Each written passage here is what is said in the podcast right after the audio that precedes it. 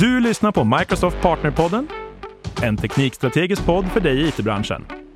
Med mig, Karl-Henrik Nilsson. Hej och välkommen! Idag talar vi med Filip Bekander och Niklas Kockum. Filip har jobbat fem år på Microsoft och jobbar idag som Finance Manager på Microsoft. Medan Niklas Kockum bara jobbat fyra år på Microsoft men jobbar som Senior Finance Manager. Hej och välkommen Filip och Niklas! Tackar! Tackar!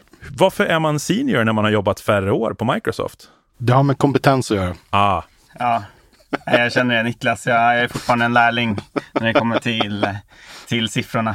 Filip hade en annan roll tidigare som eh, är varför jag tycker att han och jag kan komplettera varandra väldigt väl i den här konversationen. Precis, att jag, är ju, jag är inte senior inom, eh, inom finance på det sättet, men jag har jobbat väldigt många år med Azure bland annat. Jo, precis. Vi har ju träffats förut, Filip, i, i din tidigare roll, så jag känner mig väldigt trygg att det här kommer bli ett fantastiskt bra avsnitt. Jag tänkte att vi skulle prata lite grann idag om det som ni kanske är absolut mest lämpade att berätta om. Det är ju hur man tjänar pengar med molnet. Ja, och min första tanken när jag såg din titel var att frågan borde snarare vara varför tjänar man pengar på molnet? För det är ju inte så att vi tvingar kunder att gå in i molnet. Det är ju inte som att vi säger att nu måste du göra det här och så sitter de där och så tänker de att oj, nu sitter vi här och är rädda. Varför gjorde vi det här? Det är ju intelligenta företag och personer som har valt att göra den resan. Så frågan är varför valde de att gå till molnet egentligen?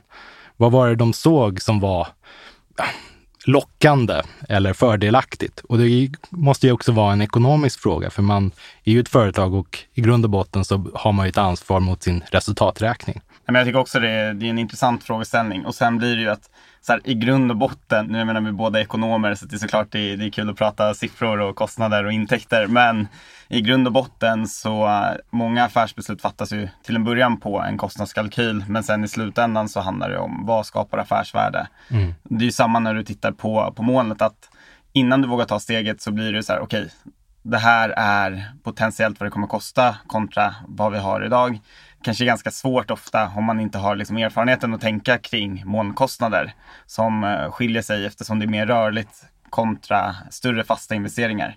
Exakt. Men jag menar när det väl går framåt på sikt så handlar det mer om okej, okay, hur kan vi då ta de här nya, man går bort från kostnader till att kolla på okej, okay, hur kan vi skapa affärsvärde genom snabbare utvecklingstakt för att vi kan deploya tjänster på ett knapptryck på en hemsida istället för att gå till en eh, liksom, distributörskanal och beställa hårdvara och installera och, och så vidare. Mm. Nej, men Philips poäng där är ju självaste basfrågeställningen som man måste göra som företag i att antingen så väljer man att gå mot en kapitalintensiv investering eller så börjar man gå, vilket molnet ger möjlighet till då, en mer rörlig kostnad, alltså en löpande kostnad. Det är satt efter vad det, är, vad det är man använder och vad det är man behöver. Är det här som finansmänniskor brukar förvirra alla tekniker med att kalla för capex och opex och alla sådana där konstiga termer? Helt riktigt, ja.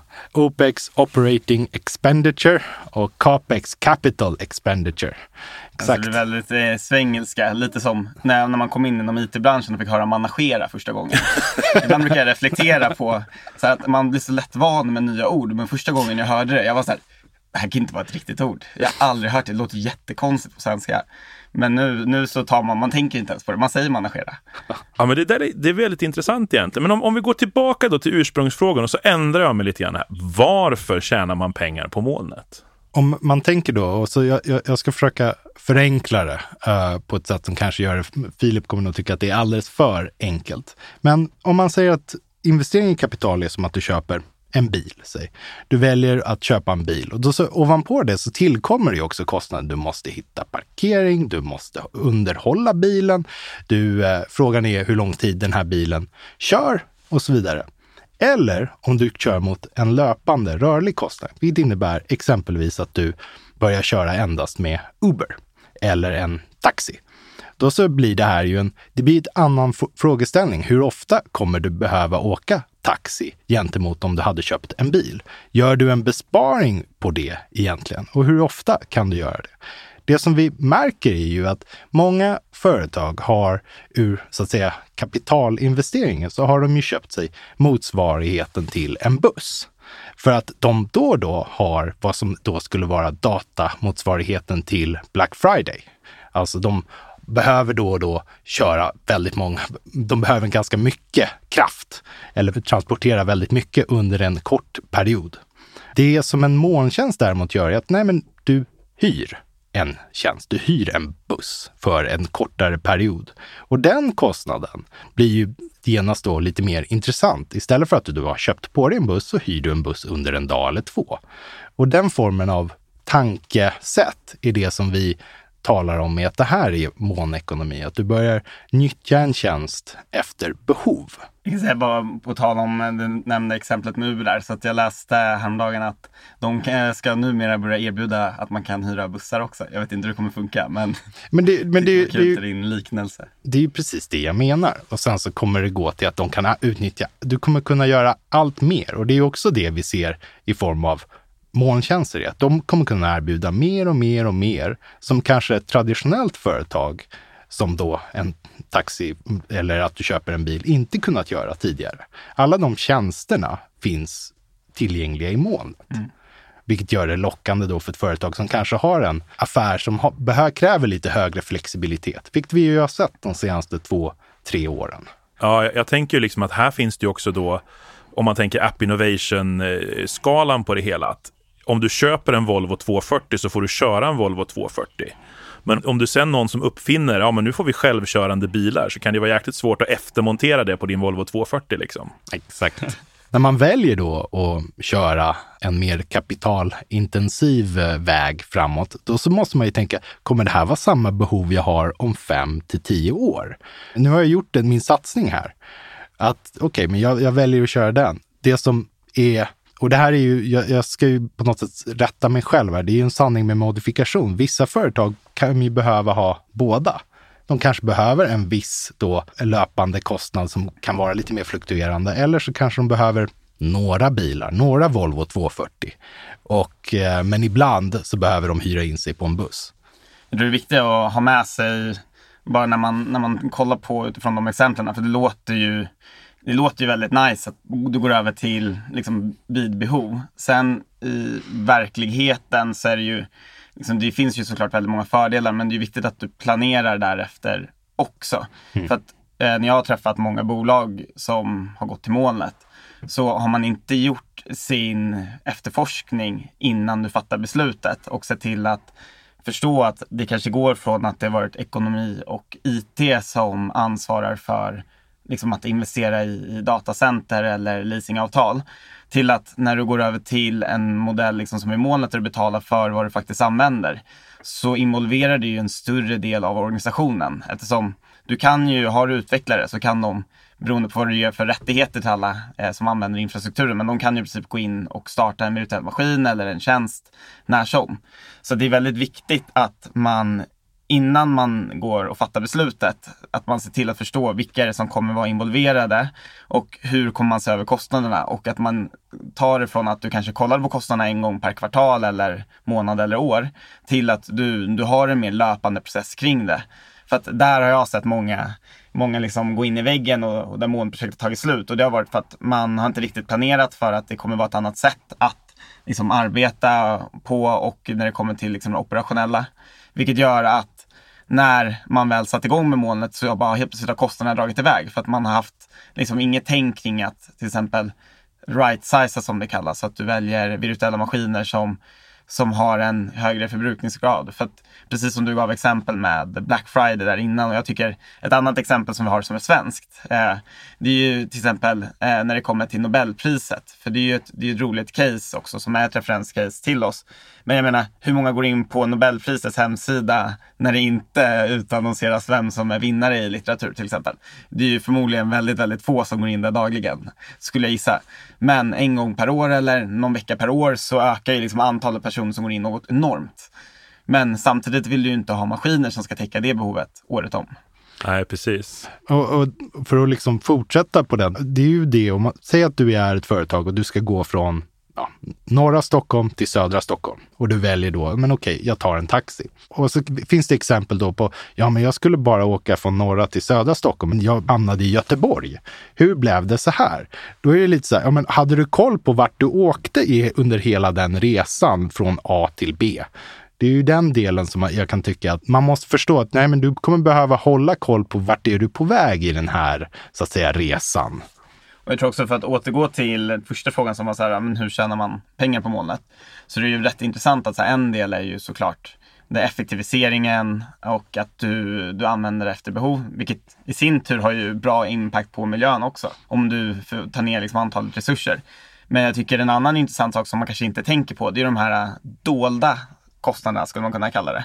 Men jag pratade med ett, ett, bolag en gång som flyttade till molnet och det intressanta där var att så här, ja, en del var ju att de skulle skala ut utanför för Sverige, de skulle expandera sin marknad. Men en av de stora anledningarna till att de faktiskt valde att gå till molnet, det var att de ville liksom vara tävlings, eller de ville på sin marknad vara ledande. Och de hade väldigt svårt att rekrytera bra utvecklare för att oftast fick man in intervjun och du hade flera steg. Men sen när det kom fram till att ja, ah, ska jag utveckla på den här gamla teknologin? Det var inte så karriärsbyggande tyckte många utvecklare. Så att de valde hellre att ta och kolla på andra bolag. För att, jag menar, tar du och kollar Sverige, vi är sett till capita är vi ett av de länder som har mest liksom startups, scale-ups, även enhörningar, så bolag som har en värdering då på över en miljard eh, dollar. Jag menar, så det finns ju världens möjligheter att få vara och jobba på riktigt coola bolag som ligger i, liksom, i framkanten när det kommer till utveckling. Och då kanske man inte vill börja sin karriär på någonting, eh, på ett bolag som, som bygger på väldigt gammal teknologi där du inte kommer kunna ta med dig den erfarenheten till de här uh, scale-upsen till exempel. Exakt. Vi pratar ibland, vad är värdet av flexibilitet och effektivitet inom ett företag? Det finns ju både den där flexibiliteten att kunna skala upp efter behov, men också kunna skala ner. För ibland behöver du inte så mycket. Ibland, och du vill också kunna, det, kunna testa dig fram, vilket en molntjänst möjliggör för dig. Och sen så är det som sagt den här med effektiviteten. Hur mycket snabbare är det att kunna testa sig fram? Vilket är snart lockande för personalen som ska jobba med den här utvecklingen. Ja, jag måste nog säga, jag har ju jobbat med ganska mycket moderniseringsprojekt och jag kan väl ändå säga att på vissa företag, så nu får ni inte ta till allt för mycket här nu, men på vissa företag då upplever jag kanske att eh, Finance and Operations då kanske är mer av en blocker än en enabler för molnmigrering. Hur ska man prata med dem för att få med dem då på det här tåget? För det låter ju som att ni är ju, ni har ju greppat det här liksom, men jag antar att det finns, finns olika argument som har gjort att ni har, att ni ser fördelarna. Ja, nej, men det är ju som, som vi pratade om innan så är det ju, det är ju läskigt att gå till molnet till en början, speciellt utifrån det ekonomiska perspektivet. För att det är ett annat sätt att tänka på.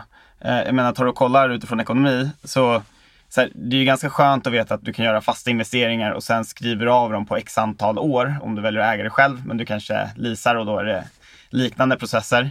Medan om du går till molnet till en början så är det ju en resa och en omställning som ett bolag måste göra. För att innan du börjar sätta upp saker och få in rutinerna för hur man optimiserar så kommer det vara svårare att, att förutspå kostnader. För att det går ju till att det är någonting du betalar för varje användning istället för att du försöker betala liksom upfront och, och prognostisera, okej okay, vad kommer vi ha för behov om tre eller fem år?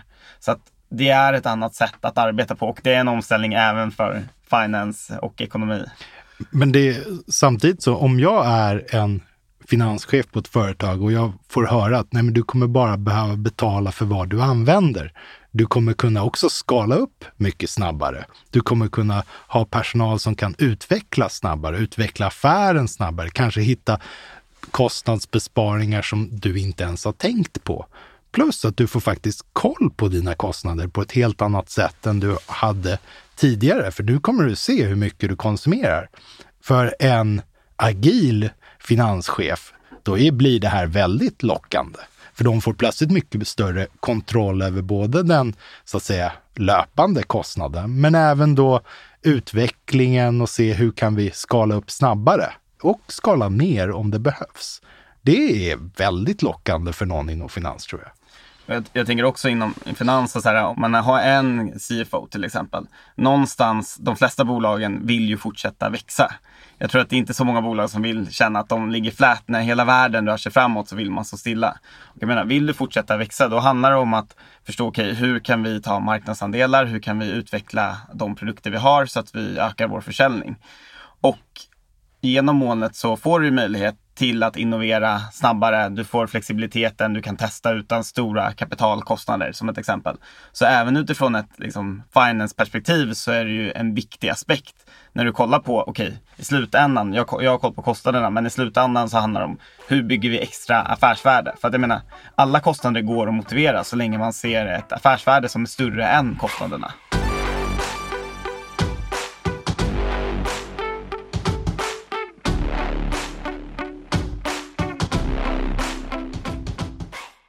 Det finns ju ganska mycket hosters som äger stora serverhallar i Sverige och som kanske ser moln som ett hot rent utav. Men jag tänker samtidigt, borde inte de egentligen kunna... För jag, om man har kunder som är nöjda och glada med att ha sina servrar ståendes någonstans i Sverige, och det kanske till och med är ett krav de har, men jag tänker, borde det inte kunna vara en riskspridning då och ändå börja titta lite på vad man faktiskt kan göra med molnet för att till exempel då, som du säger, växa eller bredda affären? Ja, men exakt. Alltså det är ju just det här exemplet med att man då och då har vissa saker som är oväntade eller sker bara under några gånger, där man inte har förutsägbara delar av affären, då så är ju en molntjänst någonting som lockar. Just den där skalbarheten måste ju även locka vår, de partners och företag som har en stabil affär. För de måste ju se att det finns fördelar här som deras kunder också efterfrågar, eller kommer börja efterfråga allt mer i framtiden. Ja, och sen tror jag att om man har kollat på den här marknaden så att det kommer absolut alltid finnas en lokal marknad och en global marknad. Men samtidigt, jag menar, ta och kolla, och kollar man tillbaks de senaste åren så har det ju skett extrem konsolidering där vi har private equity-bolag som köper upp och försöker starta några få större eh, hosters istället för att man har det utspritt. Eh, och jag tror det, det är ju ett svar att försöka liksom vara mer konkurrenskraftig på marknaden. Men samtidigt tror jag att det är viktigt att förstå kundens perspektiv också. Att om en kund är inom en bransch där flera andra inom samma bransch väljer att gå till målet och ta del av till exempel maskininlärning, eh, olika tjänster där du har de stora målaktörerna. Man får inte glömma det att det finns ju dels infrastruktur men sen finns det ju liksom plattformstjänster där det är lite mer paketerat. Och det bygger ju på liksom forskning i miljarddollarbelopp och utvecklare som sitter världen över och sitter och bygger de här tjänsterna. Och man kan ta del av dem som, som kund i Sverige. Och man får tänka så här, kan man på en lokal nivå erbjuda samma liksom, utvecklings hastighet på sådana tjänster. det blir nog jäkligt tufft. Alltså, jag har ju sett hur, jag menar om jag tittar på så här, Cosmos DB, 10 millisekunders garanterad svarstid liksom. Alltså det är, det, är, det är tuffa grejer att möta. Precis. Och det, är en, och det är precis den avvägningen man som kund måste göra. Ska jag välja att köra det säkra eller ska jag välja det här som kanske är lite effektivare? Och kanske inte bara lite effektivare. Och då måste man ju som partner också fundera på, är mitt erbjudande lika bra som konkurrentens? Men ni kanske kan hjälpa då alla utvecklare som försöker just nu att, att få med Finance and Operations på tåget lite grann. Vad är det för argument man ska komma rustad med när man ska övertyga Finance and Operations Men det här kommer bli mycket bättre för er också? Ja, jag tror ju att någonstans så måste ju beslutet också komma från ledningsgruppen. För det här är ju ett beslut som omfattar hela verksamheten. Jag tror som utvecklare själv så kommer man få det tufft om man har en övrig organisation som inte vill följa samma bana. Så det måste ju ske liksom, på en ledningsgruppsnivå. Men för att liksom fundera på hur skulle man kunna argumentera för och driva den här förändringen så är det ju dels att så här, hur ska vi vara konkurrenskraftiga de kommande fem till tio åren? Om alla andra i vår bransch går den här riktningen, hur ska vi då kunna vara konkurrenskraftiga om inte vi har samma utvecklingshastighet? Vi kanske inte har samma förmåga att rekrytera kompetens. Jag menar, allting adderar ju upp till en större helhet och lyckas man inte liksom ligga i framkanten så kommer du halka efter. Och en ganska basfråga är, hur tror du att din, vår IT-miljö kommer se ut om fem år? Tror du att den kommer se likadan ut om fem år som den gör idag? Ska vi inte börja förbereda oss efter det? det är en, och sen kommer man in på, har du verkligen koll på alla kostnader som vi lägger ner på den här, det som vi investerat i för x antal år sedan? vet du hur mycket vi skulle kunna tjäna på och kanske lägga vissa av de här tjänsterna i molnet? En del saker kanske man måste ta steg för steg. Men eh, det finns absolut argument man kan göra kring just det här med effektivitet, flexibilitet, bättre koll på kostnader. Alla de delarna är ju lockande för någon inom finance som vill utveckla affären. För det har jag märkt också själv att om man kommer liksom rustad med just att man kan visa lite grann, ja men kolla här, så här fungerar budgetering, så här kan man tagga upp resurser med olika team, du kan få ut kostnadsrapporter, sen ska vi väl inte sticka under stolen med att det går att klanta till det där ganska mycket så det blir smått osynligt. Men om man, är, om man är noggrann. ah, jag tänker mer på, på att man, om man inte taggar, om man använder konstiga namngivningsstandarder, blandar ihop olika gruppers resurser och så. Det går fort ut för eller man inte delar upp kanske på lite olika subscriptions och sådana här grejer så kan det ju vara svårt att sätta rätt begränsningar. Men jag, men jag tänker också så här, det blir ju att när man börjar titta på den här Volvon som man har ägt i alla år och så ska man åka, vad var det exemplet, från norra till södra Stockholm. Då kanske man bara tittar på bensinpriset och eventuellt lite slitage på bilen. Men man missar liksom att okay, men vi har lån, vi har däck, vi har service och det är samma egentligen i datahallar. Man ska ha en datahall, man ska ha kylning, man ska ha nätverk, man ska ha någon som städar datahallen kanske, allt möjligt. Alla de där kostnaderna adderar ju upp sig, precis som med en bil. Du måste ha parkeringsplatsen till den där bilen. Du måste alltså, tvätta bilen. Alltså, och jag tänkte också när, när vi pratar Volvo 240, alltså sen Volvo, ja säker bil, men Volvo 240 är en gammal bil, så säkerheten också. Mm. Också en viktig aspekt att det investeras ju extremt mycket pengar i, i säkerheten på de här globala molnen. Uh, jag menar, det är bara att kolla på, på våra svenska datacenter. Jag menar, det är ju investeringar i i miljard plus-klassen. Och eh, dessutom får man ju tänka att det är ju 60 plus regioner världen över. Så att man får ju hoppas på att vi har lärt oss en del när vi byggde dem, vilket gör att de blir mer effektivare, miljövänligare och så vidare. Ja, för det där är ju Exakt. faktiskt just där man ska skala till flera olika länder och köra egen hårdvara. Alltså jag tänker bara lagkraven för att få smacka upp en datahall på, i Australien eller smacka upp en datahall i Indien eller, och liksom få det att funka. Det är nog ganska komplicerat. Ganska. ja, det tror jag också. det kostar nog en del. Ja, och sen så tänker jag bara när man sitter och sköter det från Sverige och ska liksom lösa det med fakturer och fakturering och skatter och avgifter. Jag menar, jag tänker bara liksom på den delen av hela liksom karusellen. Mm. Det är nog kanske någon som har räknat på det där och kommit fram till att det är nog bättre om vi kör en molntjänst. kanske därför vi bygger så många datacenter, jag vet inte. Jag tänkte på, um, det var en grej som vi pratade om lite grann innan här, innan vi började spela in. Och det var att ni såg att ganska många moderna bolag börjar lämna in för att gå mot kanske PAS-satsningar istället. Istället för att egentligen, man bygger inte ens egna tjänster. Vad, vad kommer det sig av egentligen? Men jag tror jag med återigen utvecklingshastigheten och innovationshastigheten. Tar man ett exempel på, på en, en ny lösning, alltså dels har du ju microservices och, och Kubernetes, men samtidigt har du kollat på typ serverless. Det är ju ett sätt att väldigt enkelt och effektivt skala upp och ner vid behov. Att du har, bygger en tjänst där när det sker en händelse, ja, då startar den här maskinen upp och när den händelsen har skett så stängs den här maskinen av. Och det är också någonting som kanske lite svårare att göra om du ska stå för hela infrastrukturen själv. För PAS är ju egentligen, det är ju en lite mer paketerad infrastruktur. Absolut. Och sen så finns det ju de som då bygger lösningar för molnet och säljer dem till kunder som har det behovet. Det finns ju en lockelse för dem. Så hur tjänar man pengar på molnet? Ja, du bygger lösningar som säljs i molnet. Det är ju ett sätt att tjäna pengar på det. Sen är det de företag som kan tillgodose de här lösningarna som är byggda ut efter deras behov. De måste ju se att det finns en stor fördel för dem också. De flesta företag har ju liknande problem, även om många vill säga att de är unika. Egentligen tror jag så, om man inte ser, om man inte får ut något värde av sin molnsatsning, då tror jag tyvärr att väldigt mycket larmar tillbaka på arkitekterna. Man har inte byggt en lösning som är bra på att utnyttja fördelarna med molnet. Eller så har Finance blockat dem. Nej men just på tal om det här med arkitekter, jag tycker det, det är väldigt intressant också och jag menar nu när vi kommer till, när man börjar prata mer om miljön och det är det som är intressant med att bygga i molnet och att du kan skära ner kostnaderna genom att eh, effektivisera och inte liksom göra det på årsbasis. För att det där har man hört flera exempel om där vet, så här, ineffektiv kod kostar väldigt mycket pengar. Eh, och det är ju ett sätt så här att ibland kan man få höra att så här, det, den här molntjänsten kostar ju extremt mycket. Sen så när man börjar förstå, okej okay, hur funkar er tjänst?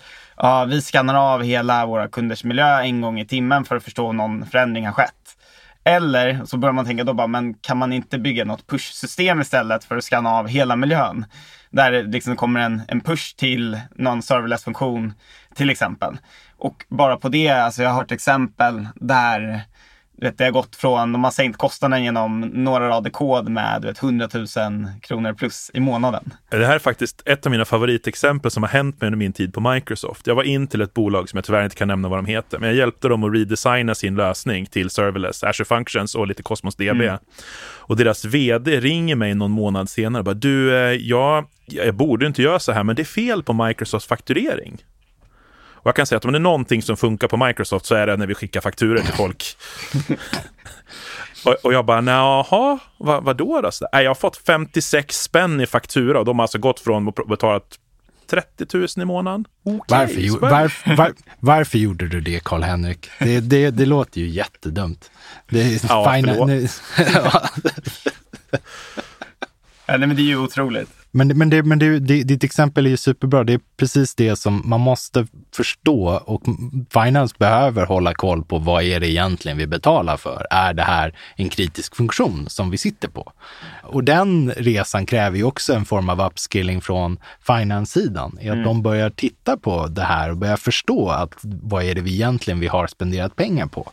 Och, och vad är det vi vill spendera pengar på? Ja, men jag tycker det, det är kul för att i molnet så man kallar det financial operations. Och ah, det, det är ett sätt av liksom paradigmer från massvis av bolag som har gjort molnresan som har liksom startat en eh, Finops liksom, organisation.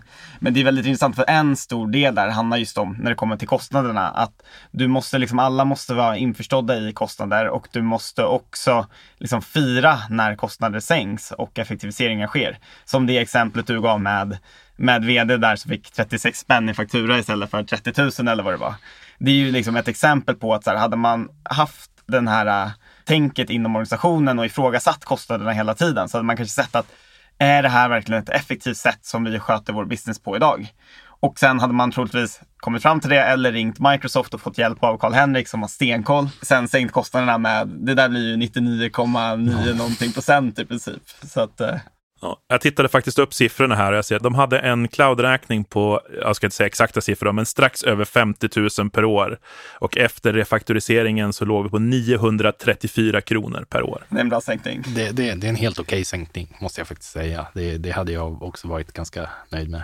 Jag, menar, det är inte, alltså jag kan tänka mig att det är småpengar för mycket bolag. Alltså, jag menar 50 000, det är ja, fine liksom. Om du är, jag vet inte vilken partner vi ska till, men om du är en GSI, så ja, det, det är liksom vad du förmodligen gör på kaffe på dag på ett, på ett större kontor liksom, eller något sånt. Men jag menar, börjar man slå ut över många applikationer så blir det ju, det blir mycket pengar. Men hur många Volvo 240 är det? Det är den stora frågan. Exakt. Hörni, och jag trodde aldrig jag skulle kunna säga det här, men jag skulle kunna prata ekonomi med er hur länge som helst. Men vi, vi börjar få slut på tid. Har ni några så här closing statements som folk borde ta med sig till fikabordet nu direkt när de har lyssnat på det här och om det beror på om det ska vara mer lärorika closing statements eller om det ska vara så här Uber-exempel och så vidare. Ta någonting som man kan implementera direkt nu, bara ta tag i, någonting som man bara, det här kan jag fixa nu. Den diskussionen jag skulle vilja säga att man tar upp, det är att du börjar involvera fler personer i diskussionen kring cloud operations eller finance operations i molnet. Och det är ju perfekt att göra vid fikabordet för att vem vet, det kanske vdn kommer där för att ta en kanelbulle. Så eh, liksom börjar man prata om cloud, få in det snacket i ledningsgruppen. För det är det som är grejen, att du måste få konversationen kommer röra fler avdelningar i molnet. Och antingen gör du rätt från början och involverar alla eller så försöker man implementera det långt efter man har gått till molnet. Och då blir det som du nämnde tidigare med taggar till exempel. Att så här, och tagga upp allt i efterhand är inte lika kul som att ha gjort det direkt rätt från början med tydlig struktur som ett exempel. Ja, en enkel fråga till en ekonomiavdelning som är, det är en det är enkel fråga att ställa, men en svårare att svara på är hur mycket spenderar vi idag på IT per år? Och hur kommer de kostnaderna verkligen se ut om fem år? Hur tror vi att den nuvarande miljön möjliggör vår affär framåt? Hur ser vi att vår affär kommer se ut om fem år? De kostnader som vi la ner nu här för x antal år sedan? Var de efter våra behov som vi har haft de senaste två åren? Eller satt vi fast i kostnader som ja, vi hade köpt någonting för två år sedan som nu i och med vissa omvärldshändelser gjorde att vi vi var så illa tvungna att betala för det. Skulle en molntjänst ha varit någonting som hade gjort att vi kunde skala efter de behoven? Intressanta frågeställningar. Äh, det, ska bli, det har varit jättekul att ha er med, så jättestort tack för att ni tog er tid och kom hit idag. Tack själv. Tack själv. Du har lyssnat på Microsoft Partnerpodden med mig, Karl-Henrik Nilsson. Som vanligt hittar du information och resurser på aka.ms partnerpodden.